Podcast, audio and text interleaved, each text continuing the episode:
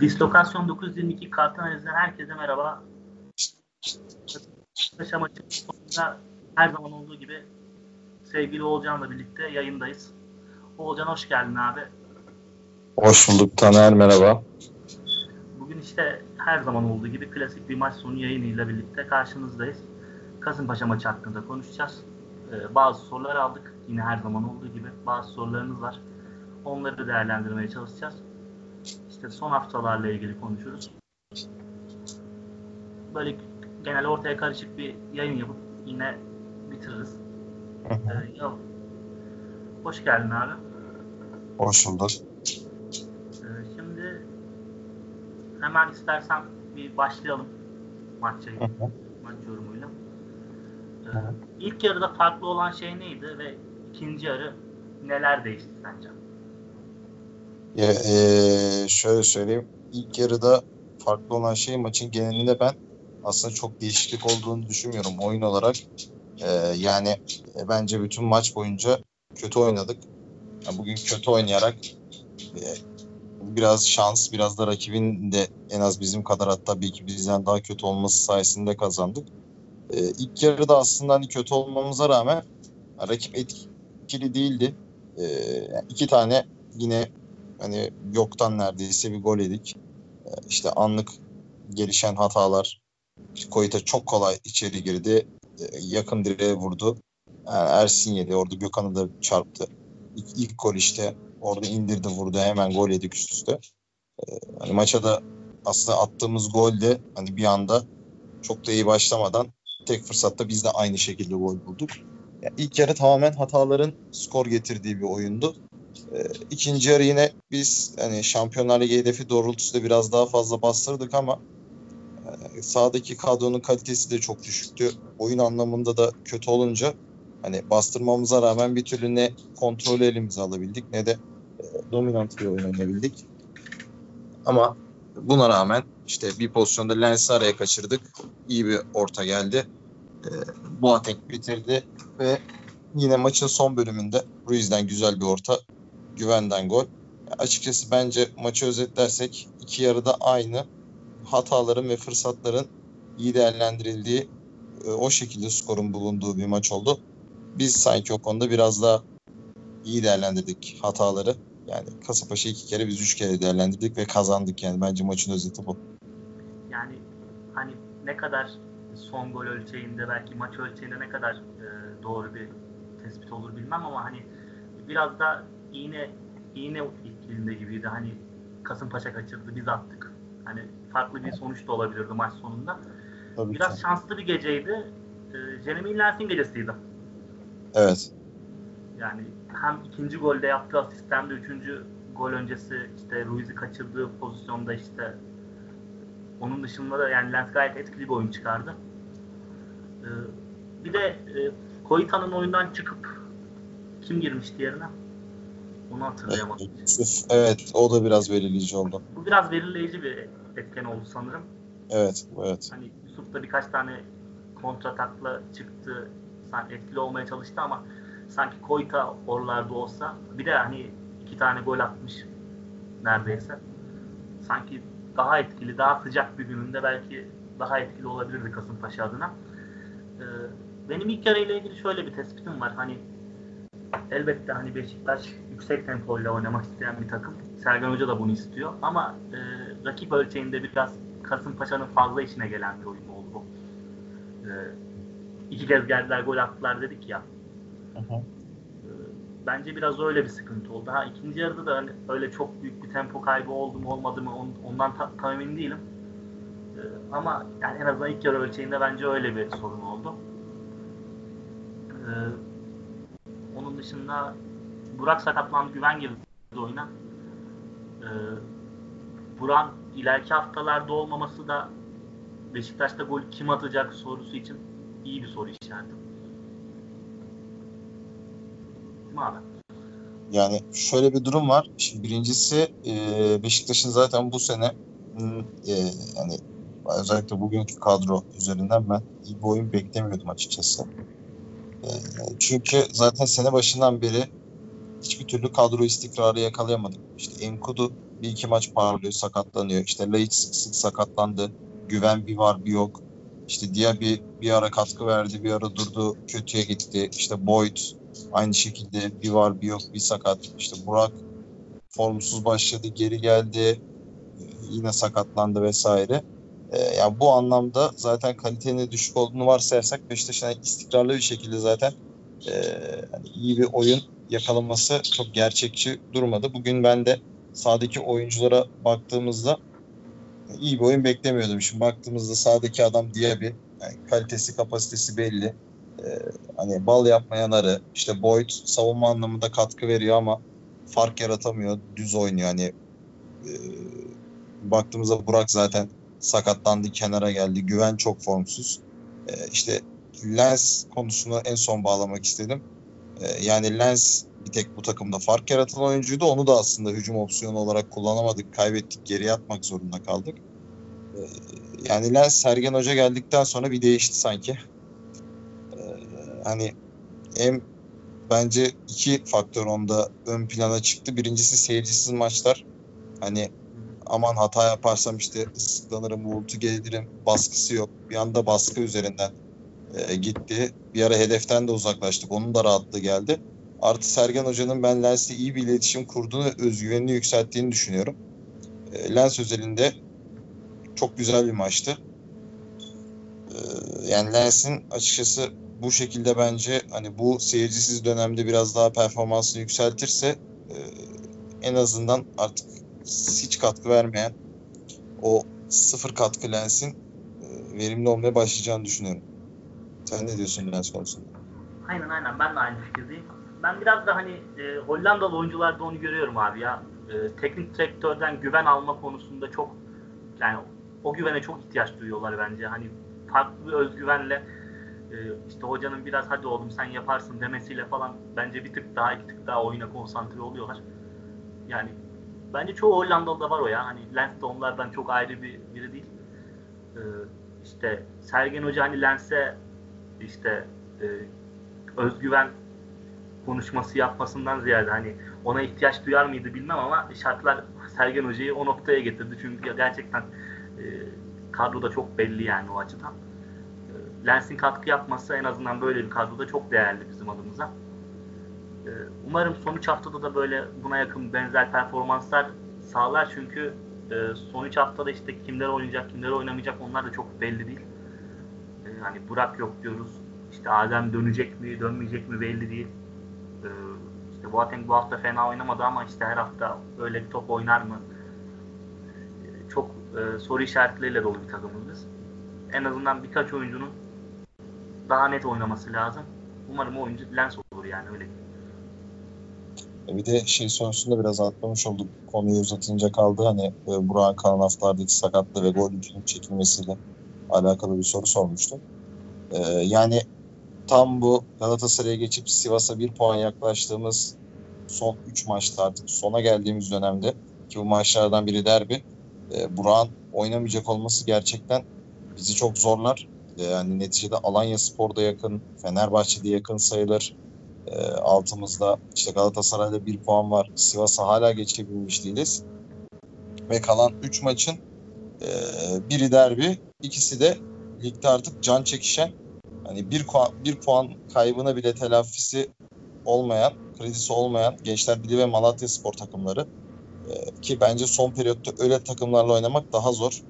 Hele hele takımın belli bir oturmuş oyunu işte oyuncuların belli bir yüksek form grafiği yoksa e, şimdi Burak Burak'ın yokluğunda çok büyük bir sıkıntı var hücumda. Çünkü dediğim gibi hücumdaki opsiyonlarımıza bakıyoruz.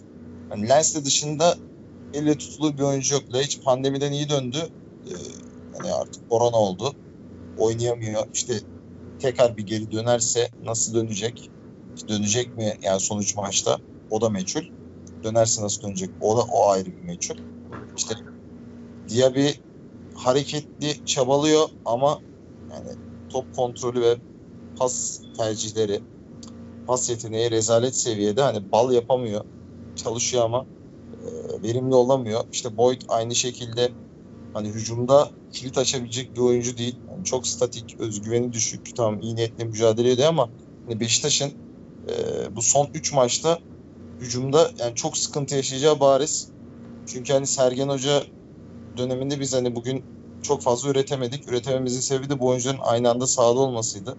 Normalde hani rakip ceza sahasına sık sık e, giren çok fazla pozisyon üreten bir Beşiktaş izliyorduk Sergen Hoca yönetiminde işte Enkudu varken, Laiç varken, Burak varken, Lens oynarken. Ama bu oyuncular denklemden çıktığı anda sahada sağlıklı bir oyun oynayamıyoruz. Yani bu anlamda bu çok kötü bir durum oldu bence. Hani Gökhan'ın durumu çok önemli değil. Yani yani orayı bir, bir şekilde kapatırız hani en kötü Kerem oynar orada. Ama bir şekilde kapatırsın. Fakat Burak'ın yokluğu gerçekten yani çok sıkıntı olur. Özellikle Yeni Malatya deplasmanında yani olması lazımdı. Bir de Atiba da yok haftaya. Hani çok zor bir maç oynayacağız. Mutlak kazanması ya da en azından bir puan çıkartması gereken Yeni Malatya Spor deplasmanda. Ee, Önümüzdeki hafta bence derbiden çok çok daha zor. Burak'ın yokluğunda hani diyemiyorsun ki işte güven oynar, gol yükünü çeker. Hani Umut zaten o da korona oldu. O da meçhulde. Hani burada bence en mantıklısı e, Gökhan Gönül'den faydalanamayacaksak Lens'in bugünkü iyi performansına rağmen Lens'i geriye atmamalıyız. Hani gerekirse hani Dukkan sanırım oynayacak durumda değil. O yüzden sağ bekte bir seçenek olamaz. Hani oynasa bile 90 dakika sağ bekte o tempoyu çıkartacağını ben düşünemiyorum açıkçası e, geri dönüp. Hani Kerem Kerem için bence güzel bir fırsat var ve bence orada onu kullanmamız lazım ne olursa olsun. Hani Lens'i geriye çekip sağ kanadın mı verimini düşürmek dersen yoksa Lens'i yerinde kullanıp sağ bekte genç bir oyuncuyu denemek mi dersen ben ikinci seçeneği daha mantıklı buluyorum. Hani ikisi de riskli ama e, en azından savunmayı organizasyonla, mücadeleyle ruh koyarak yapabiliyorsun. Amatör ruhla yapabiliyorsun ancak hücumda kalite olmadığı zaman mücadele yetmiyor. Yani o yüzden ben sağ kanatta hani hücumdaki en etkili opsiyonumuz Lens'i bozmama taraftarıyım. Yani sol kanatta sanırım Enkudu da sonuç maçtan tam verimli olamayacak bize karşı. Yani Boyd'dan başka bir seçenek kalmıyor ki. Boyd mu güven mi de dersen hani ben saç baş yoldurmasına rağmen yani güven derim en azından işte ikili oyun oynuyor. Hani çok kötü oynadığı maçta üç kere iyi bir ikili oyun yapıyor ya da üçgen yapıyor. Ya da ne bileyim arkaya koşu atıyor. İşte bugün golde arkaya koşu attı. Topla buluştu. Gol yaptı. Yani en azından kötü oynadığı maçta bir skor üretme şansı var iç forvet rolünde. Yani ben önümüzdeki hafta özellikle şöyle bir beklentiye girersek önde Boateng, solda Güven, sağda Lens, forvet arkasında mecbur Diaby, ortada Enneni yanında Kartal diyorum ben mecburiyetten. Sağda Kerem, solda işte Rıdvan, stoperde Ruiz Vida, kalede Ersin derim. Yani bu şekilde oynamamız lazım. İşte Laiç geri dönerse bu denkleme diye bir yerine Laiç sokabiliriz. Ee, Burak dönerse onu sokarız. Atiba dönecek zaten. Yani Beşiktaş'ın bu kadroyu bence oturtması lazım. Şampiyonlar Ligi şansımızı devam ettirmek istiyorsak. Sergen Hoca şey demiş. e, Yani Gökhan'la Buran umarım işte sezonu kapatmaz tarzı bir yorumu var. Ama hani herhangi bir bilgiden ziyade bana bir temenni gibi geldi. E, Bence herhangi bir fikri yok bu konuda. Hı hı. Ya o oyuncuların durumuna bakarak o yorumu yapmış zaten. Ee, Yani benim düşündüğüm öyle. Bugünkü Caner'in bu arada çalışkan performansının ardından Caner'i sol kanatta izleyebiliriz diye düşünüyorum. Bu- Bak ben Da- aynen Var. tam bir araya gireyim. Çok affedersin. Şey soracaktım sana. E, Evet. Hocadan bir sistem değişikliği görür müyüz acaba? Yani sistem çift forvetli sisteme dönse diyeceğiz. Çift forvet yok elimizde bir tanesi zor çıkıyor. Hani üçlü forvet desek Lens'i sağ beke çekebilir çekmezse e, sağ sol yapsa hani yine bir üçlü forvet ne bileyim hani maç içinde dönebilir ama zor. Mecbur bence çok elinde seçeneği yok hocanın. Baktığında dediğim gibi Laiç yok, Burak yok, Enkudu yok. E, olanların verimi zaten kapasitesi ortada. Ama yani şöyle bir değişiklik gelebilir. Caner'in bugünkü performansının ardından Caner'i sol kanatta düşünebilir. Çünkü Boateng hava toplarında etkili bir oyuncu. Ee, yani en azından Caner'i sol öne atayım. Orta açsın. Boateng kafa vurabilir. Ee, skor üretiriz. Diaby ile orayı ikileriz gibisinden düşünebilir. İşte Lens de iyi kesiyor. Aynı zamanda. E, şimdi Kerem oynarsa Kerem'in de en büyük özelliklerinden biri bu arada e, kestiği ortalar. Yani Beşiktaş biraz hava topuna e, doldur boşalt oyununa dönebilir son haftalarda. Burak'ın Laiç'i ve Enkudu'nun yokluğunda. Hani sistem değişikliği bence formasyon olarak değil ama mentalite olarak bu şekilde olabilir. Hani çünkü yani mecburiyet bu. Eldeki malzemeden ki bence isabetli olabilir. Hani Caner sol önde gerçekten hani iyi oynayabilen bir oyuncu. Tamam kafasında Beşiktaş'ı bitirmiş görünüyor ama neticede hani e, Caner kırgınsa yönetime kırgın. Camiaya bir kırgınlığın olduğunu ben düşünmüyorum.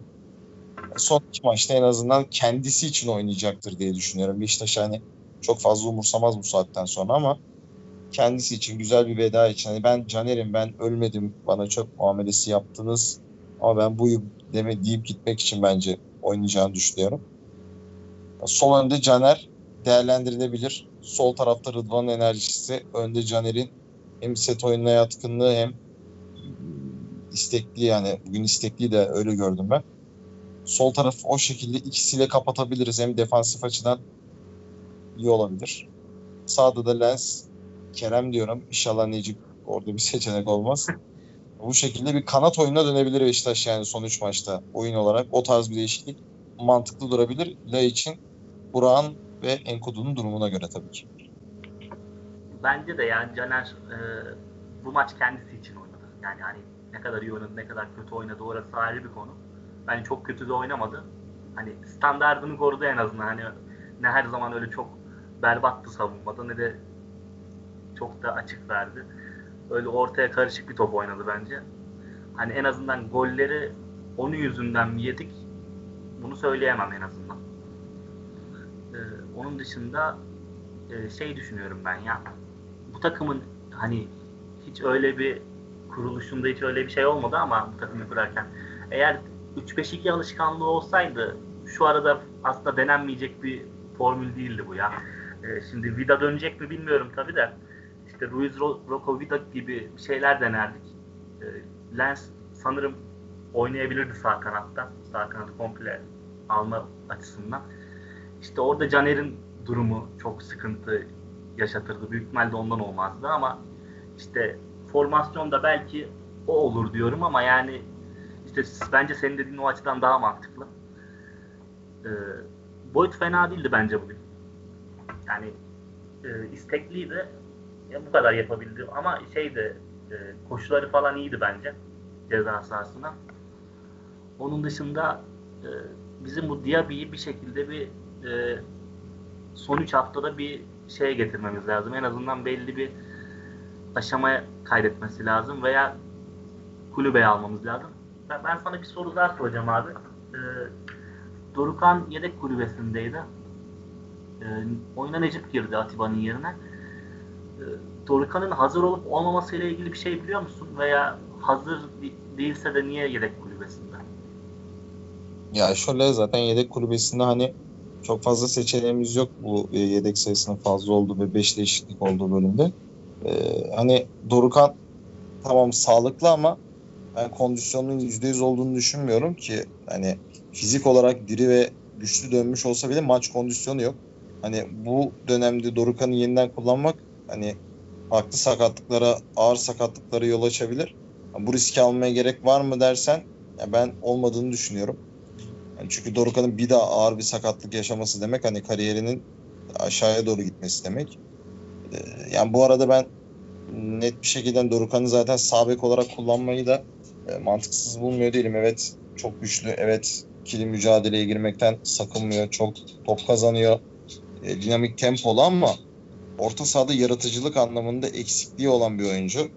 Yani şimdi Gökhan Gönül'ün de artık kariyerinin son demine geldiğini düşünürsek e, hani oraya gereksiz bir sabek almaktansa artık Dorukan'ı oraya monte edip onu emanet edebiliriz.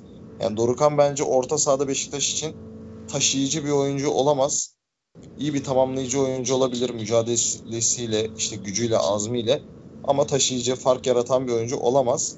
Ancak sağ tarafta e, o pozisyon için fark yaratan ve e, Beşiktaş'ın kilit bir oyuncu haline gelebilir. E, o yüzden bence Dorukan'ı artık sene sabek olarak kullanmamız gerekiyor. E, Dorukan'ı da buna göre hazırlamak gerekiyor sezon başı kampında. Ben şu anda Dorukan'ı boş yere riske atmaya gerek olmadığını düşünüyorum. Kartal'da mes- mesela Braga maçında vesaire oynadığı süre aldığı zaman iyi performanslar verdi. Yani bugün Rıdvan'a güveniyoruz, oynamasını istiyoruz. O ışığı Rıdvan'ın verdiği ışığı bence Kartal da verdi. Atiba'nın yokluğunda Elneni'nin yanına Necip'i koymak hani orta sahayı rakibe vermek olur.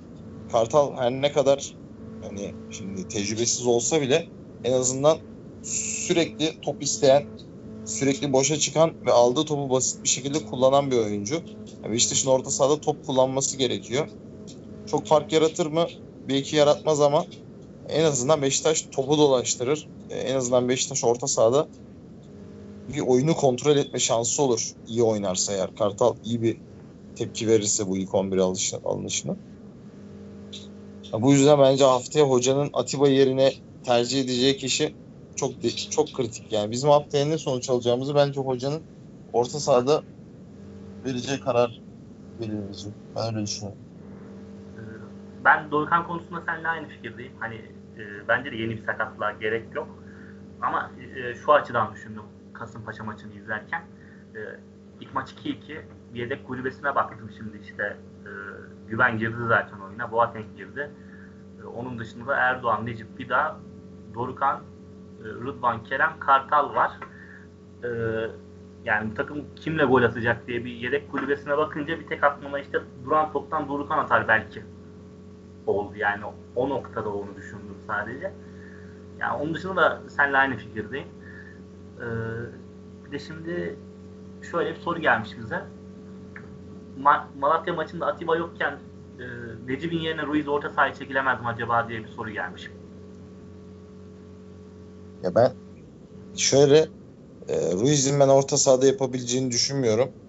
E, çünkü Ruiz topu geriden aldığı zaman etkili kullanan kuran bir oyuncu. Şimdi Ruiz'i bir tık daha öne atmak onun e, topu kullanma yeteneğini de bence biraz daha bir tık daha düşürmek demek. Çünkü Ruiz tamam oyun görüşü iyi, topu oyuna iyi sokuyor ama çok iyi fazla e, şey çok hızlı reaksiyon verebilen bir oyuncu değil.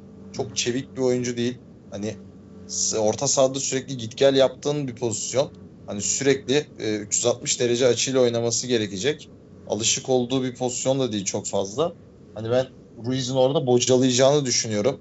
Psiko yani bir kere psikolojik olarak geride konumlanacak top e, rakipteyken. Bu Beşiktaş'ın orta sahada hani oyunu ikinci bölgede kabul etmesini hatta birinci bölgeye kadar e, gerilemesine sebep olacaktır. Onun dışında zaten topu aldığında alışkanlık olarak sürekli geriye kadar gelip stoper gibi kullanacak ve orta sahada e, savunmadan top çıkartırken bence pas opsiyonlarımızı bu çok büyük anlamda eksiltir. Ya, o yüzden ben Ruiz'in e, hani stoperde şey ön libero'da oynamasının Beşiktaş'ı üretkenliğini azaltacağını düşünüyorum ki zaten Burak'ın olmadığı işte Lens'ten başka bir hücum opsiyonunun olmadığı takımda bir de orada Ruiz oynatmak iyiden iyiye hücum gücünü geriye çeker. Ve oyunun kontrolünü almamız imkansızlaşır. Hani şöyle düşünebilir Ruiz'in ayağı iyi orta sahada pas yaparız falan ama o zaman Abdullah Avcı'nın birinci bölgede boş pas yapan takımına döneriz. İşte orada Ruiz, Roko, Vida falan kendi aralarında pas yapar. Yani ileri gidemeyiz, öne geçemeyiz, pozisyon üretemeyiz. Ve dönüşlerinde hep atak yeriz. O yüzden bence Ruiz stoperde oynamalı. Ee, Elneni'nin yanına dediğim gibi Kartal biraz daha böyle serbest e, oynamalı. Çünkü Beşiktaş'ın orta sahada hani top kullanabilecek, biraz daha Beşiktaş'ı öne çıkartabilecek bir oyuncuya ihtiyacı var. Şu anda elimizde Kartal'dan daha iyi bizi öne taşıyabilecek bir oyuncu opsiyonumuz var mı? Bence yok. Bence de. Yani. Ee, Necip taşıyamaz. Ruiz taşıyamaz. Yani Dorukan zaten yaratıcı bir oyuncu değil ki uzun süredir oynamıyor. Atiba yok. Yani mecburuz bence. Yani Ruiz seçeneği ben soğuk. Bence e, arkadaş bu soruyu sorarken e, şeyi düşünmüş. Hani sen de dedin ya orta sahada daha fazla pas yaparız. Şimdi bir de şöyle bir sıkıntı var abi. Geriden oyun kurmakla orta sahada oyun kurmak aynı şey Evet. değil. Evet. Yani e, bir kere geride daha genişte oyun kuruyorsun. Yani onun Evet. rahatlığıyla oyun kuruyorsun. Evet. E, aynı aynı sıkıntıyı şey çekti abi zamanında. Hatırlar mısın? Oğuzhan'ı biz 10 numara oynatırken dar alanda çok kayboluyorduk. Tamam aklıma geldi. Yani Aynı o muhabbet yani. Oğuzhan'ı Evet. 8'e çekince daha rahat bir oyun kurduk ya biz. Yani Ruiz de bence o tarz bir sıkıntı yaşar. e, Şeyde oynarsa. Ön libero'da oynarsa. Benzer bir sıkıntı yani. Evet, yani şöyle bir kere yüzün rakip kaleye dönük oynamakla sırtın rakip kaleye dönük oynamak ve top almak birbirinden çok farklı. Ee, o topu sırtın dönük aldıktan sonra e, çok iyi kontrol edip yüzünü rakip kaleye dönmek, takımı öne taşımak ayrı bir meziyet istiyor. Oğuzhan mesela o konuda sıkıntı yaşıyor. Topu geriden aldığında, geriden topla çıktığında veya e, boş alanlara koşu yapıp orada topla buluştuğunda etkili olan bir oyuncu. Ancak forvet arkasına koyduğun zaman topla sırtı dönük buluştuğu zaman e, ne top tutabiliyor ne o topla yüzünü kaleye dönüp kaleye doğru dökülebiliyor. E, Ruiz'de de ondan bahsetmeye çalıştım ben. Şimdi farkındaysan Ruiz zaman zaman ayağı iyi olmasına rağmen savunmada pas hataları yapabiliyor. Pas hatası yaptığı bütün pozisyonlara dikkat et. E, sırtı dönük top aldığı pozisyonlar. Hani topu alıp yüzünü dönene kadar rakibin bastığı pozisyonlarda genelde hata yapıyor. Ee, bence dediğim gibi hani Ruiz eğer ön libero oynarsa savunmadan topu soktuğu kadar o bölgede o topu etkili kullanacağını, efektif kullanabileceğini düşünmüyorum. Ee, ancak şöyle yapabilir e, Sergen Hoca. Hani Enlen'i ön libero'da oynarken üçüncü bir stoper gibi üçler Ruiz'e topla beraber özgürlük verir çıkışlarında. Tıpkı e, Kayseri maçında yaptığı gibi. E, bu olabilir. O zaman Ruiz'in hani, top kullanmasını özgürlük vererek daha etkili bir şekilde kullanabiliriz o yeteneğini. Ben öyle düşünüyorum yani. Aynen aynen aynı fikirdeyim abi. Bir de hani e, ileriye sürpriz koşu atması daha bile şaşırtıcı olabilir rakibi. Bir de Aynen. Oluyor. e, bir de şöyle bir durum var yani bir de alışkanlıklar var abi hani sen yılların stoperini her ne kadar önde oynuyorsa da bir adım ileri atınca onun bir şeyi bozulabilir. Yani frekanslar tutmayabilir bir anda. Ya tabii canım yani şimdi safe zone diye bir tabir var hani oyuncunun kendini güvende hissettiği alanlar var. Şimdi oyuncu bir iki kere sırtı dönük topla buluşup hata yaptıkça psikolojik olarak hani kendini iyi hissettiği şekilde konumlanmaya başlayacak. Yani psikolojik olarak daha geride top almaya gidecek. İşte psikolojik olarak yani stoper de en iyi yaptığı işi yapmaya çalışacak. Yani bir- orada bir kalabalık olacak, yığılma olacak. Hem orta saha boşalacak. Yani ben Beşiktaş'ın zaten iyi bir oyun geometrisi yok, iyi bir yerleşimi yok. Bu hamlenin iyice bozacağını düşünüyorum. Sebebi o dediğim gibi yani bence muhakkak haftaya orta sahada Kartal Enlin ikilisini izlememiz lazım. Stoper'de Ruiz artık yanında duruma göre e, Vida ve Rocco ama benim tercihim Vida olur. Çünkü Malatya'nın çok çabuk oyuncuları var. Ee, iyi kontra yapabilen bir takım. Hani Rocco da çok ağır bir oyuncu. Açık alanda özellikle çok sıkıntı yaşayan bir oyuncu. O yüzden Vida bence stoperde daha iyi bir seçenek olabilir. Hatta Vida oynayamayacak durumdaysa Rocco yerine Necip stoperde değerlendirilebilir. Hatta yani bence o bile mantıklı olur yani. E, Erdoğan'ın çok fazla şansı olmaz değil mi? Ya Erdoğan ben Erdoğan'ın oynaması taraftarıyım. Çok potansiyelli ve beğendiğim bir oyuncu ama e, şimdi Necip ihtiyaç olduğu zaman stoperde iyi performanslar gösteriyor yani hakkını vermek lazım. Ha, Hata yapabilir mi? Yapabilir. Hataya çok meyilli bir oyuncu. Ama yani Necip'in hata yapma e, ihtimaliyle Erdoğan'ın hata yapma ihtimali aynı. Şimdi Necip hata yapsa maç kaybettirse kesip atabilirsin ama Erdoğan yeni Malatya maçında oynayıp e, bir hata yaparsa e, hani potansiyelli bir oyuncu harcamış olursun ki iki haftadır Rıdvan'la Ersin de hatalar yapıyor. Hani bunlar en azından birazcık e, performans ve ışık gösterdikleri için hani taraftar biraz sineye çekebiliyor ama bunların üzerine Erdoğan da oynayıp o da hata yaparsa e, birikirse biraz daha hani taraftar hedef maçını bu sebeple kaybederse e, oyuncuların üzerindeki baskı çok fazla artar. O yüzden bence Erdoğan'a bu maçta gerek yok diyorum Yeni Malatya üzerinde. Can çekişen Yeni Malatya'ya karşı. Yani Necip bu maçta hani Vida oynamıyorsa tabii ki e, daha doğru bir seçenek olur o yüzden. Yani hani bence Necip çok iyi bir stoper değil ama ön libero'luğundan daha iyi bir stoper. Evet. öyle, öyle bir durum var Necip'te. E, Bir de gerçekten çok iyi oynuyor. Tam bir se- örnek geçen sene ilk maçı var Akisar maçı. Muazzam oynamıştı stoperde gidip bir tane gol yedirmişti Akisar'a. Yani bütün yaptığı iyi şeyleri tek bir pozisyonda hiç etmişti. Ee, işte bunu da yapabiliyor. Sana gol yedirebiliyor ama şu anda öyle bir hani gerçekten takımımız var ki zaten herkes hata yaparak gol yedirebilir. Yani Necip'i oraya koymak bir risk almak değil. O riski zaten Beşiktaş almak zorunda.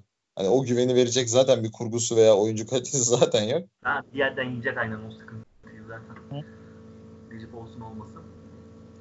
Ee, şimdi ben bir fikstür açıyorum abi hemen. Tam şu noktada.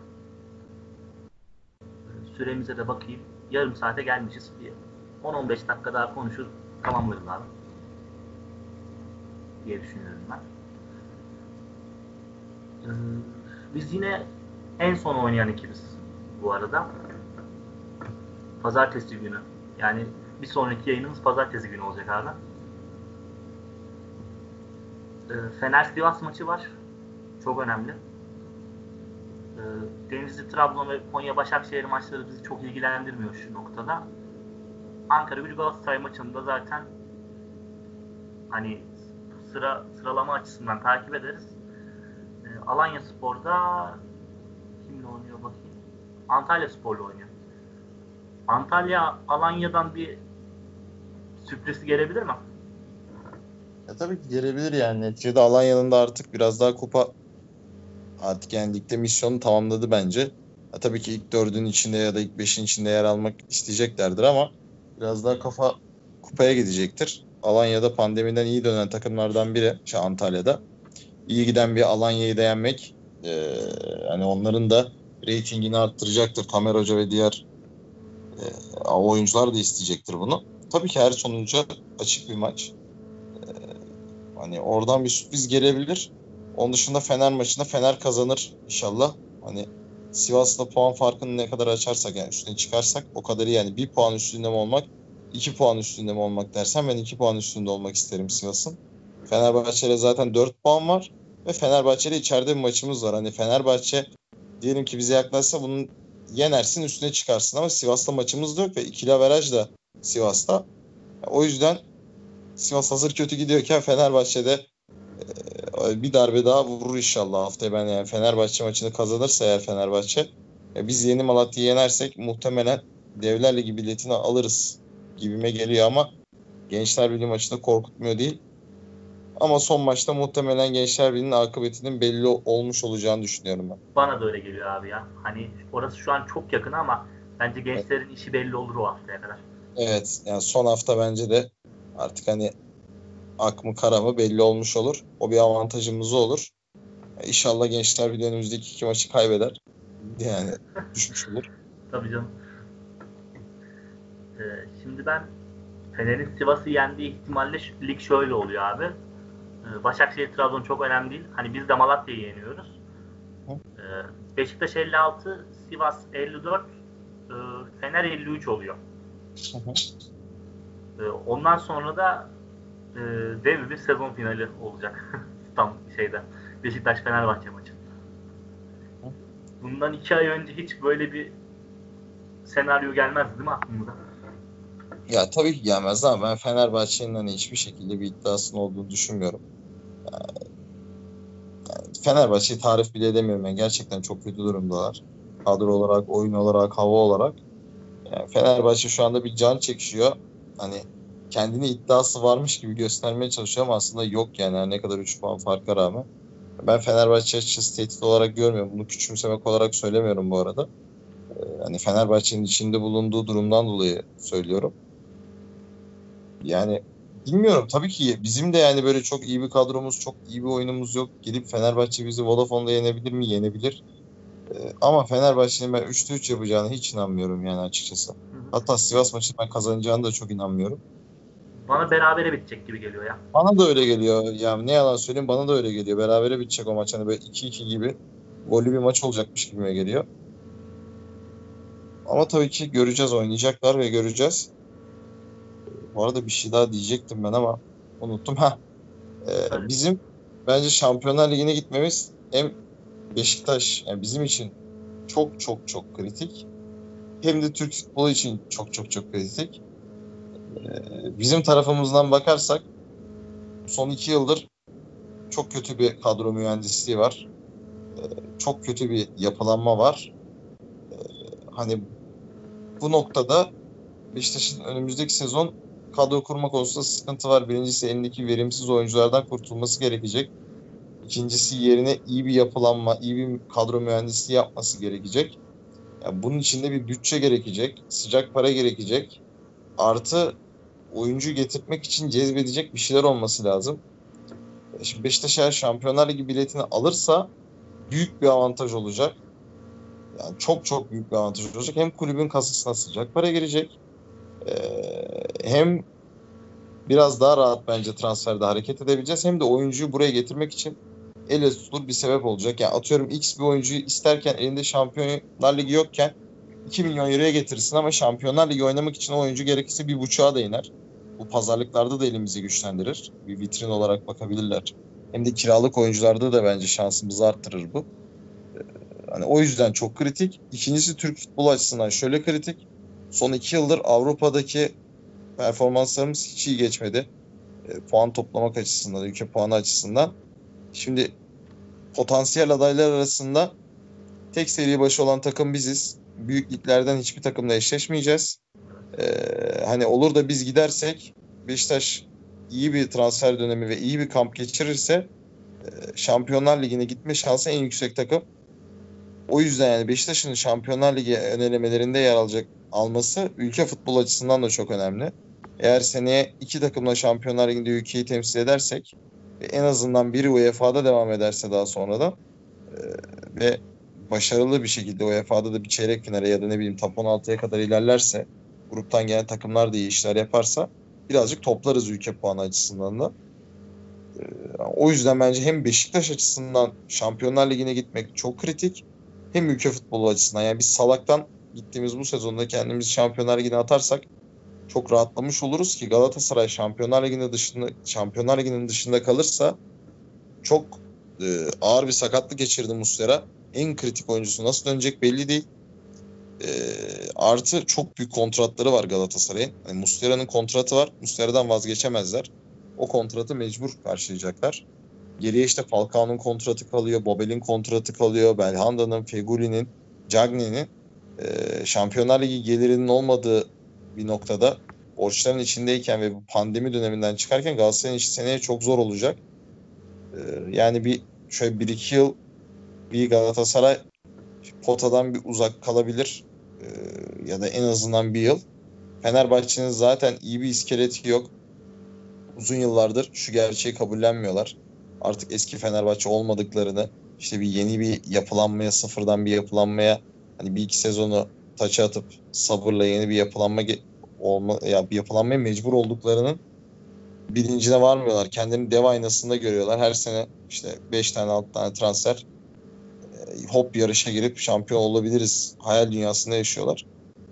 E, hani yine aynısını yaparlarsa şampiyon olamazlar. Yapılanma yaparlarsa bir senesi iki senesi gidecek. Hani o yüzden Fenerbahçe'de bence şampiyonlukta uzak yerde. Rakipler bu durumdayken ki Trabzon'da şampiyon olamazsa Şimdi Sörlot'un ben satılacağını düşünüyorum. Uğurcan da muhtemelen e, ayrılacaktır.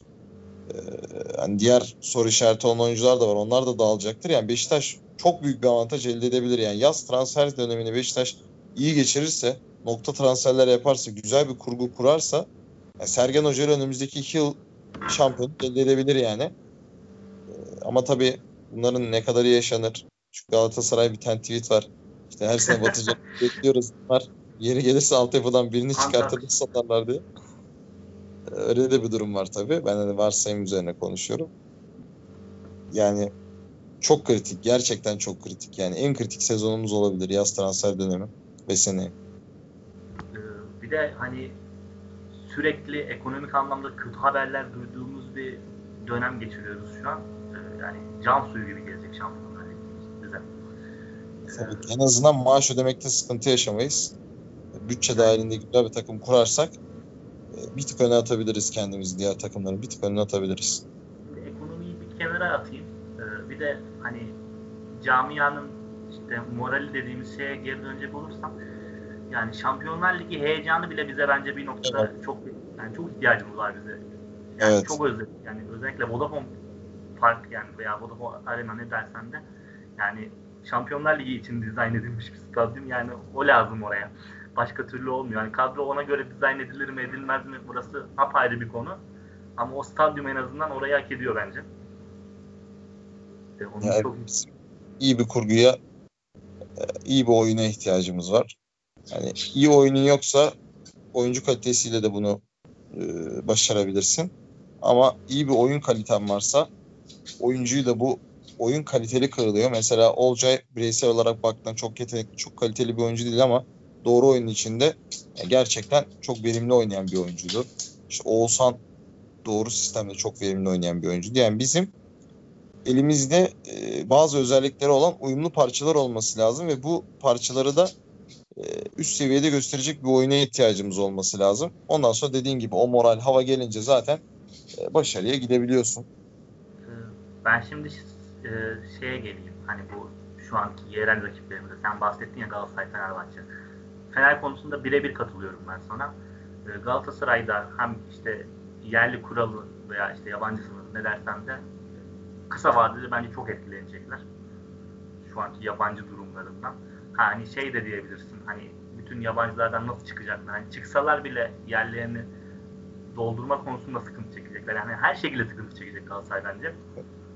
Ee, Trabzonspor yani bu sezon şampiyonluğu artık hani kaybetti gözüyle bakarsak e, orada bir hesaplaşma olacak bence. Yani yönetim açısından. Yani Ünal Karaman işte Hüseyin Çimşir geldi. Ondan sonra yönetim hani taraftarın hiç istemediği bir hamle yaptı. İnsanlar onu, onu sezon sonuna nadasa bıraktı. Hani şampiyonluk gelsin susalım. Yani orada bence bir geri dönüş olacak. Şampiyonluk kaçtı gözüyle bakınca. Ee, Başakşehir bence yani tek rakip şu an. Yani benim ya ben zaten bu arada bu yabancı sınırının tamamen büyük takımları korumak amacıyla olduğunu düşünüyorum. Ee, hani çünkü şöyle bir durum var. Ee, ülkeye üç büyüğünde kaliteli yabancı getirecek bir ekonomisi yok. Para dışında zaten normalde bile cezbedecek bir durum yok. Şu anda hiç yok. Ee, hani şu anda büyük takımlar kaliteli, çok iyi, üst düzey yıldızlar getiremeyecek. En azından 2 sene, 3 sene. Bu çok net. Ee, getiremeyecekler. Hesaplaşma, yani kafalarındaki hesabın şu olduğunu düşünüyorum. Zaten bu açıdan getirilmesi zor. Ee, bari sınırlayalım. Boş yere para harcamasınlar bu ekonomide. Ee, bir taraf harcarken bir tarafta alıp götürmesin. Onları da sınırlayalım, onların da önünü keselim, dengeyi sağlayalım rekabette e, amacı olduğunu düşünüyorum. Çünkü atıyorum diyelim ki Başakşehir bu sene şampiyon oldu. Beşiktaş, Galatasaray, Fener üçü de ekonomik durumda zor, ekonomik konumda zor durumdalar. Üçü de Şampiyonlar Ligi olmazsa elindeki kontratlardan mı çıkacaklar, transfer mi yapacaklar, yaparlarsa ne kalite getirecekler? Ya Başakşehir bir anda alıp 2 sene 3 seneye bile ambargo koyabilir. Zaten evet. oturmuş bir düzen var. Şampiyonlar Ligi geliri yani üzerine çok nokta atış transferleri aradaki farkı açıp e, ilerleyebilir ki bunu da yani Dijitürk istemez. yani Başakşehir'in böyle 2 sene 3 sene şampiyon olmasını e, büyüklerin yarışın gerisinde kalmasını e, şu, ya da şu da olmaz hani Beşiktaş diyelim şampiyon oldu ya da Şampiyonlar Ligi'ne gitti. İşte Galatasaray, Fenerbahçe e, kötü durumda giderken Beşiktaş'ın böyle 2 seneye 3 seneye ambargo koymasını istemez. Yani tamamen rekabette dengeyi kurma amaçlı olduğunu düşünüyorum.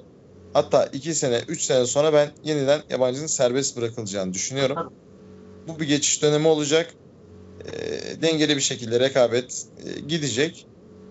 İşte 2-3 sene sonra da şey durumuna gelecek. Muhtemelen federasyon değişir. Yeni gelen federasyon da e, şöyle bir hamle yapar. İşte yabancı aynen. Yabancı hallederler He? o işi. Taraftar tepkisi oldu falan filan deyip hallederler o işi. Bak ben ya, aynen hem gelen e, federasyon başkanı hani bütün desteği gaza medyayı, kamuoyunun her şeyin arkasına almak için yabancıyı serbest bırakır. İşte iki ikisini de denedik yakın zamanda. Serbestken e, ki sonuçları sınıra göre daha iyi. Serbest bırakıyoruz. Kimse almak zorunda değil'e getirirler. Win-win olur her açıdan. Ben senaryoyu öyle kurguladım kafamda. O kokuyu alıyorum. Ben şöyle düşünüyorum abi. Zaten bir Twitter'da bir flood yaptım. Onu da uzun uzun anlattım.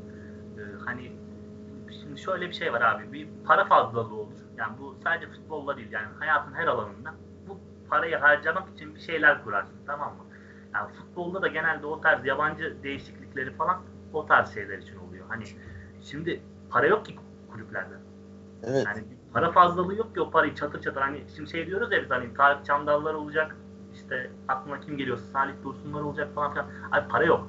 Hani o kadar büyük kontratları yerlere vermeyecekler. Hani belki Mert Hakan'a verir Fenerbahçe bu yaz. Ama onun dışında hani kaç tane oyuncu kaç milyon eurolar verebilirler? Bence şey olacak. Baba yabancılara hani verebiliyorlarsa verecekler. Atıyorum biz Adem Laiç'e vereceğiz. İşte Galatasaray tutarsa Belanda'ya işte Feguli'ye verecek. Onlara verecek. Böyle bir şekilde tutacaklar. Ondan sonra da yerlere çok net bir düşük banda geçecekler. Şu olacak bence. Ya ben 800 bin euroya Beşiktaş'ta oynayacağım ama gider 600 bin euroda e, Fransa Ligi'nde oynarım diyecek adam. Yani bence birkaç sene böyle bir şey göreceğiz biz. Ha, bu olmayabilir ama bana böyle geliyor. Ya zaten ben e, yerli oyunculara büyük e, bonservisler, büyük maaşlar bağlanmasına karşıyım.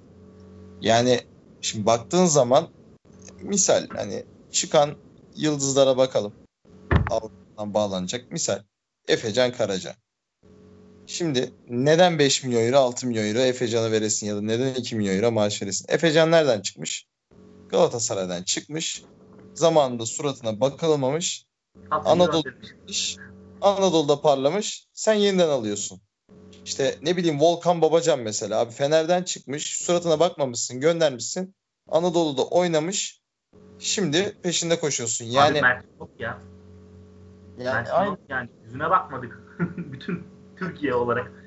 Aynen öyle. Yani demek ki senin altyapından çıkıyor bunlar yani. Sen gidip ne bileyim 3 milyon euro işte 5 milyon euro falan bonservis vereceğine 2 milyon maaş vereceğine abi. Kartal dene. Kartal'ı oynat. Yani şimdi senin Anadolu'dan getirdiğin futbolcunun altyapıdan çıkarttığın futbolcudan artısı ne? Yani ne gibi bir fark var? Altyapısı mı daha iyi? Ya da ne bileyim çok çok mu daha yetenekli? Aynı yerden çıkmışlar. Zamanında suratına bakmamışsın. Şimdi bakmadığın adamda demek ki aynı yetenek var. Oynarsan yani aynı verimi alabilirsin yani. Neden birini 500 bin TL oynatmak varken 2 milyon euroya gidip yani boş yere yerli kavgasına rakiplerle dalaşıyorsun. Abi yerlerin şey büyük takımların da bence bu konuda artık birbiriyle kavga etmeyi bırakması lazım. Hani birbirlerine zarar veriyorlar yani öyle söyleyeyim. Ya ben o yüzden artık yerli Mert Hakan istiyor musun? Ver abi teklifini. İşte atıyorum yıllık 800 bin euro. 2 milyon euro bonservis veriyorlar mı? Veriyorlarsa al. Almıyorlarsa bırak sal gitsin. Fener mi alıyor? Fener alsın. Galatasaray mı alıyor? Galatasaray alsın. Yani bir iki sene bu olduktan sonra zaten artık talep etmeyecekler. Biliyor ki abi adamlar Fener almazsa Galatasaray istediğin parayı verip alacak. Galatasaray almazsa Beşiktaş alacak. Yani böyle oldu mu bu iş düzelmez zaten. Büyüklerin mentaliteyi değiştirmesi lazım bence yerli transfer stratejisinde. Ee, kısa vade bir kural olacağını düşünüyoruz ikimiz de.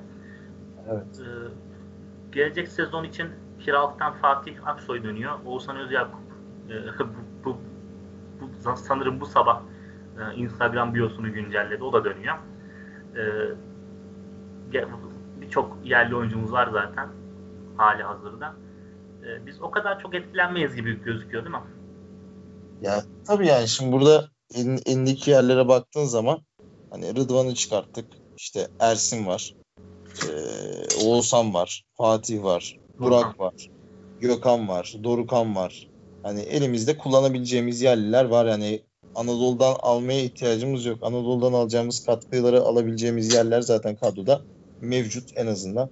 Üç taneyi kombi değerli oynatmamızın gerek olduğunu düşünürsek. Yani bizim panik yapmalık bir durumumuz yok. Aynı şekilde Fenerbahçe'nin de bence panik yapmalık bir durumu yok. Galatasaray'ın da yapmalık bir durumu yok. Yani üç tane oyuncu konması gerekiyor. Üç tane de oyuncu koyarsın yani kadronun içinden.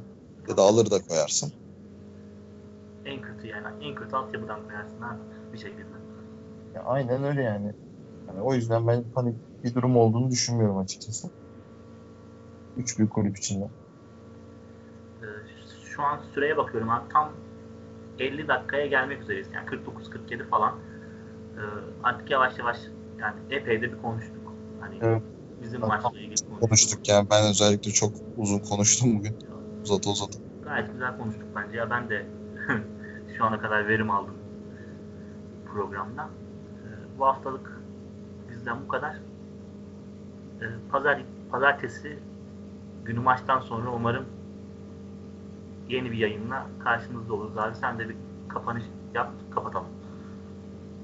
Ama umarım pazartesi günü kazanırız. Burada galibiyet üzerine yine güzel bir konuşma yaparız. Son iki hafta adına böyle umut dolu bol bol tinerleri çekip geliriz inşallah. Gün içinde bizi şu dakikaya kadar dinleyen herkese ben de teşekkür ediyorum. Herkese iyi akşamlar diliyorum. Herkese iyi geceler, iyi günler. Yeni programlarda görüşmek üzere.